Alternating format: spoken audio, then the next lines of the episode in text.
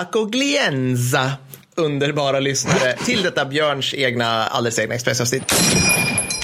Det där var Mattis såklart italienska, eller hur? Det, det är fullt möjligt. Det är, Det är fullt, fullt Jag har varit möjligt. i Italien många gånger, men jag känner absolut inte igen det där. Märkte du min handrörelse? Ja, det är en väldigt viktig. Ja, jag gjorde liksom, sitter i handleden mycket och pratar italienska. Men så det, det är väl i Family Guy när Peter tror att han är italienare. Ah, scusi! Som han börjar prata med händerna väldigt mycket. Ja, ja. Det, är liksom, det räcker med att göra det och säga babidi-boopy. Babidi-boopy! Så är man liksom hemma. Då kan man beställa pizza och en lokal pizzeria. då, är det, då är det klart liksom. Så här. Ja, ja, visst. Men det, som jag sa, det här är Björns alldeles egna lilla Expressavsnitt. Vem är då denna förtjänstfulla individ, Björn Weirvågen? Vi kan inte uttala ditt namn, förlåt Björn. Vi, vi har diskuterat det här, är det, är det norska? Så att, eller är det, är det värvågen, alltså så här AE, att det är en umlatt egentligen, eller är det Mm. värv, vär, värvågen? Alltså, Björn är ju en av våra mer ivriga och uppskattade Mm, interagerare på Instagram och Facebook. Och där har han en liten norsk flagga. Så jag gissar norska. Han är riktig norrman. Mm, trevligt att ha dig här. Ja, eller kanske i alla fall någon form av slä, ja, släkt, släktband kanske. Släktband, Norge. ja, ja. Hur som haver, du Björn har varit en av våra Patreon slash arbetsgivare på nivån Gustav II Adolf livvaktsstyrka. Sen fucking januari. Tack så otroligt mycket. Enormt tack. Och för alla er andra, det här gör att Björn får, inte bara till en dådkraftig individ, utan han, får även, han blir även en medlem av den Pantheon som jag och Mattis tillbeder över tid och som vi ger eh, sådana här avsnitt till. Små ja, expressisar helt enkelt som de förtjänar. Precis, så de får bestämma ämnet på själva också. Ja, det får Och det, det ämne som Björn har valt är ju då Italiens krigshistoria.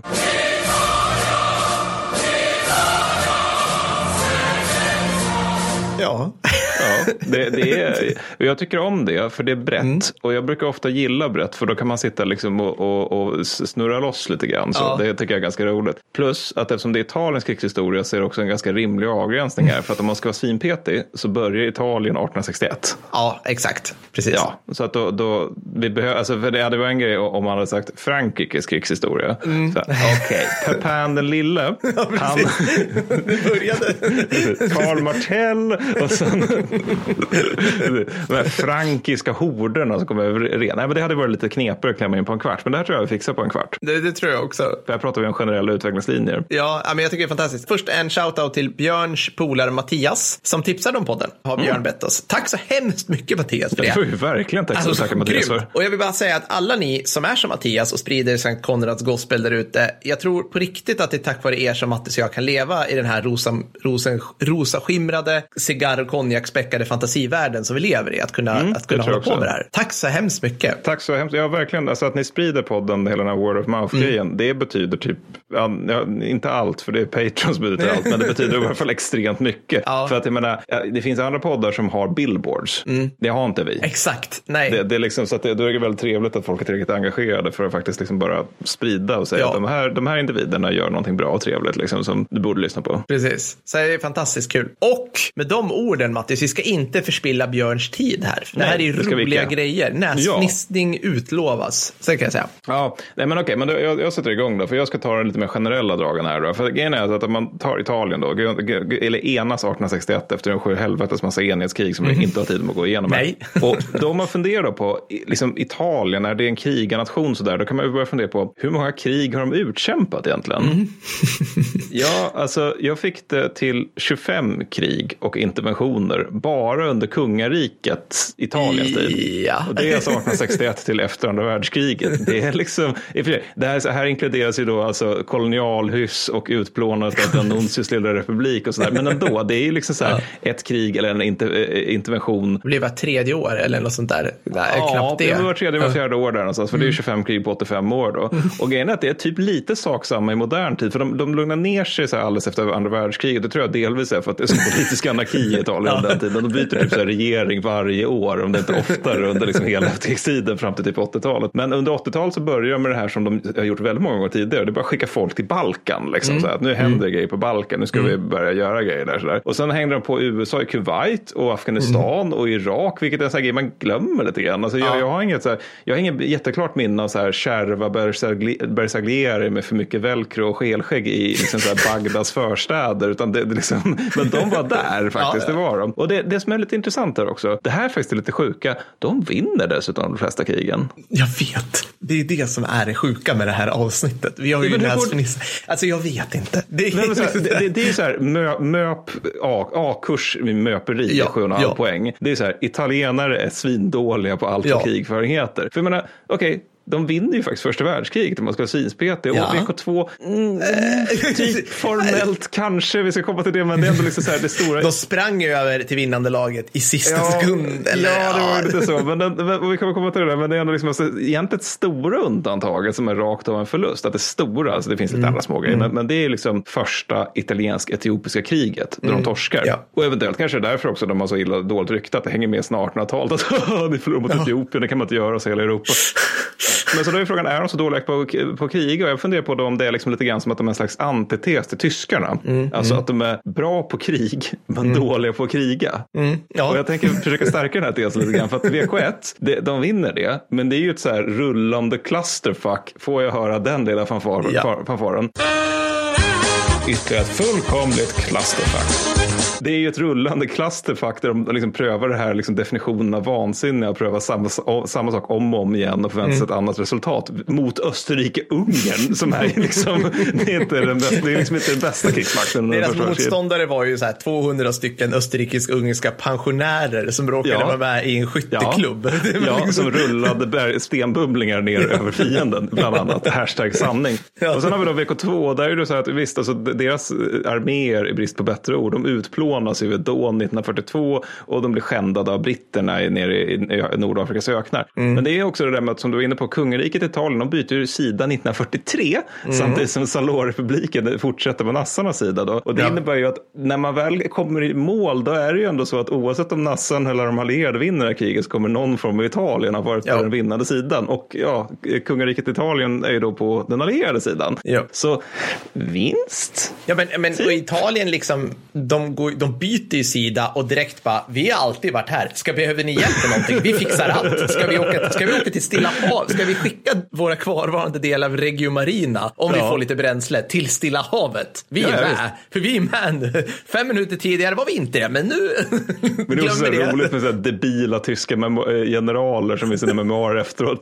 De var jättedumma som bytte sida. Ja. Alltså, de vore ju tokiga om de inte gjorde det när de har chansen. Fattar ni att USA är i deras land? Och Sovjetunionen på väg in i ert land. Det är liksom inget bra krigsläge. Så klart de byter sida. Men så jag tänker att de är på något sätt lite småtyskar. För att mm. de är liksom lite lika, lika tyskarna på vissa sätt. Och det är typ så att de har imperiedrömmar under hela perioden 1861 till 1946. Mm. Och det är så mycket bös som har återupprättat Mare Nostrum, Medelhavet, mm. alltså det romerska mm. innehavet. Och, mm. och det här leder till så en rad konstiga krig på Balkan. Och sen så har man så här italiensk-turkiska kriget 1911 som de förut vinner. Mm. Och, sen så blir de dock i slutändan inte jättemycket mycket av det hela, alltså de här stora ambitionerna med stort imperium. Nej. För att när de citat vinner andra världskriget, då, då leder det till en italiensk seger som inbegriper att man får ge upp territorium. Mm. Dels till nybildade, eller till Jugoslavien för mig här. Lite mm. till Frankrike också för mig. Och sen så är det alla kolonierna, de, mm. de bara försvinner. Och delar av flottan. Så mm. det är liksom den typen av vinst. Det är den här ja. typen av vinsten man, vinst man har med maffian i grund och botten. att,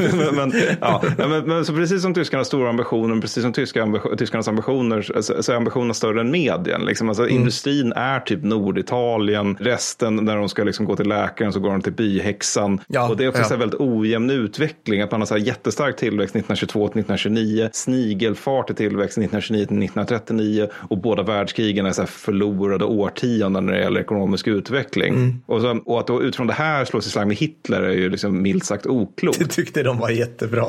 de tyckte det var svinbra. Nej, men ambitionerna finns där men inte alltid förmågan. Men just när det gäller det här industri, där har ju du lite grejer här, eller i alla fall konsekvenserna av industri. Absolut, okej, okay, för, för det första, liksom, jag vill ta, ta fasta på det du, det du pratade om, det som vi redan har sagt i den här podden, att liksom, Norditalien är, var då och är idag Rurområdet, medan mm. resten av Italien är jägar-samlare. Liksom. Ja. Så, att, alltså, så man, man börjar, jag börjar kolla lite grann på så här, vad, vad, liksom, vad var italienarna först med? Vad var de duktiga på under mm. krigen? Liksom, vad mm. tog de fram? Okej, ett, ett urval här som jag kommer bara bli igenom. Fallskärmsjägare, marina specialförband, stridskängor. Alltså Jaha. så här, de, hade, de uppfann stridskängor på 20-talet, alltså med vibramsula och hela balletten liksom. Men de kom bara ut på lite provförsök och sen bara, nej, nej, typ så här. första tryckta kamouflagemönstret i bruk i Mm. världen på 20-talet. Rätt jävla nice. Det är ju rätt många wearables som tror att det är Waffen som har fört med det. Först med det bara för att det är så weird, bilder. weird. Liksom. Ja, ja. Visst. Nej, men liksom, de uppfann, eh, man tror att de uppfann radarn. Ja. Det fanns en Macchiani som uppfann radion. Man har två stycken flygplan som var svinbra. Man har en Caproni Campini num- nummer ett Jet Aircraft. Eh, Det är inte en av dem ska jag säga. Jag tar det igen. Jet Aircraft som flög Ja, ja. 1940. Så italienarna på eget... 1940? 1940. Men vad, vadå, det går ju inte. Tysk... Tyskarna hade en som flög tidigare, men Okej. de höll det hemligt. Ah, Italienarna ah, bara, åh, bravissimo. liksom. Men de uppfann det själva. Så att Italien, som är liksom getherdar och konstmuseum, Ja, ja. uppfann ett jetflygplan 1940. Så vadå, så utifrån de här renässansstäderna, liksom de stora vackra torgen, så helt plötsligt Ja. bara... Ja.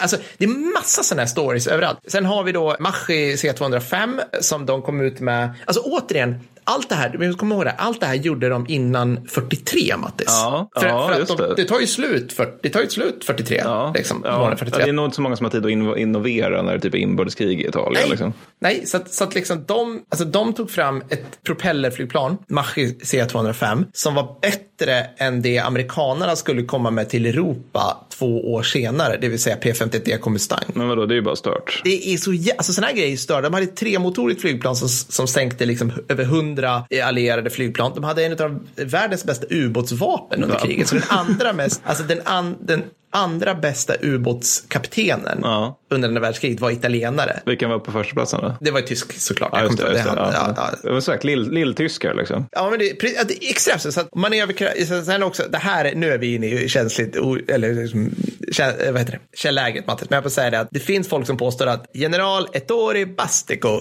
under spanska inbördeskriget, han uppfann det vi idag kallar då för manöverkrigföring, samverkande vapenslag, blixtkrig.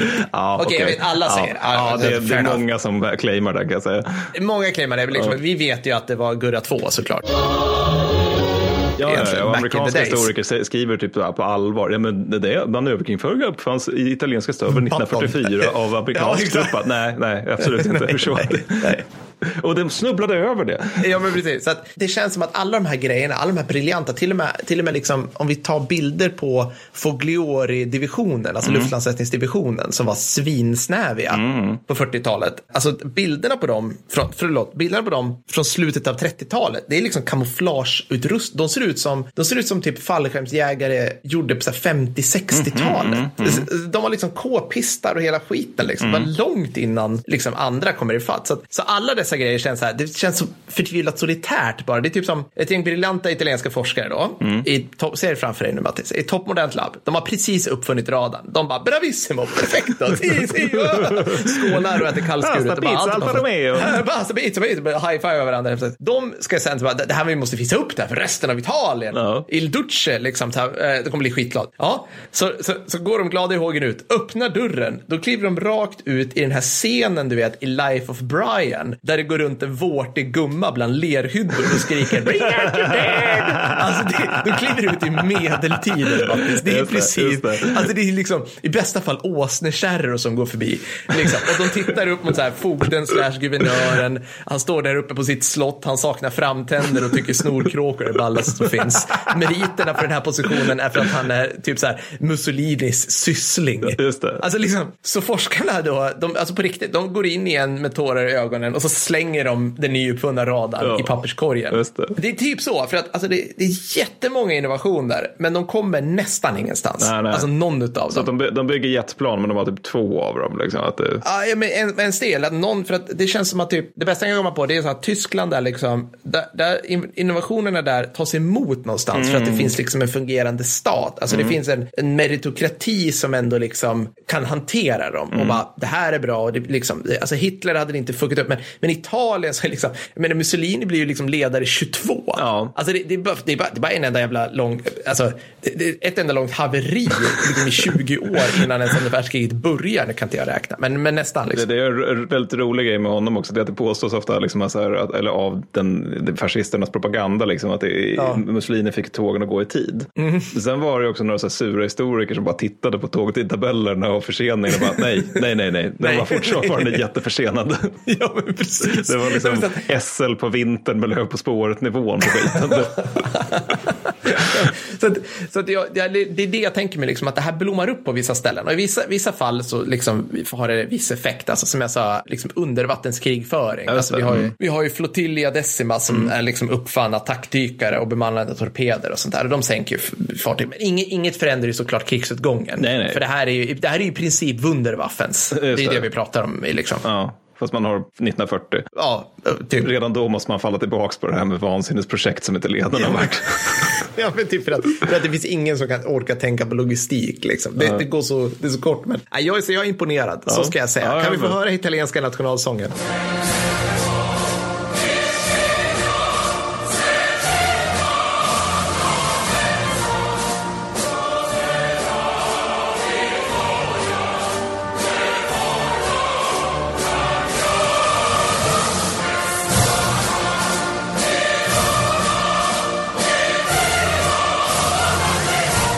Förväntar mig att vi klipper in en sån här motsvarande. no! Ja, men ja. ja. Då så. Så det är väl det ja, helt enkelt. Det var Italiens krigshistoria i korthet. Ja. Jävla intressant ämne. Det hade vi lätt kunnat göra ett ja, långavsnitt av. Det är ja, precis verkligen. så många av de här. Alltså. Ja, jag kommer fortsätta sitta och typ så här googla Maschi och Caproni flygplan nu resten av kvällen. Tror jag. Det var jättespännande. ja, men kul. Ja. Björn, hoppas du gillar det här.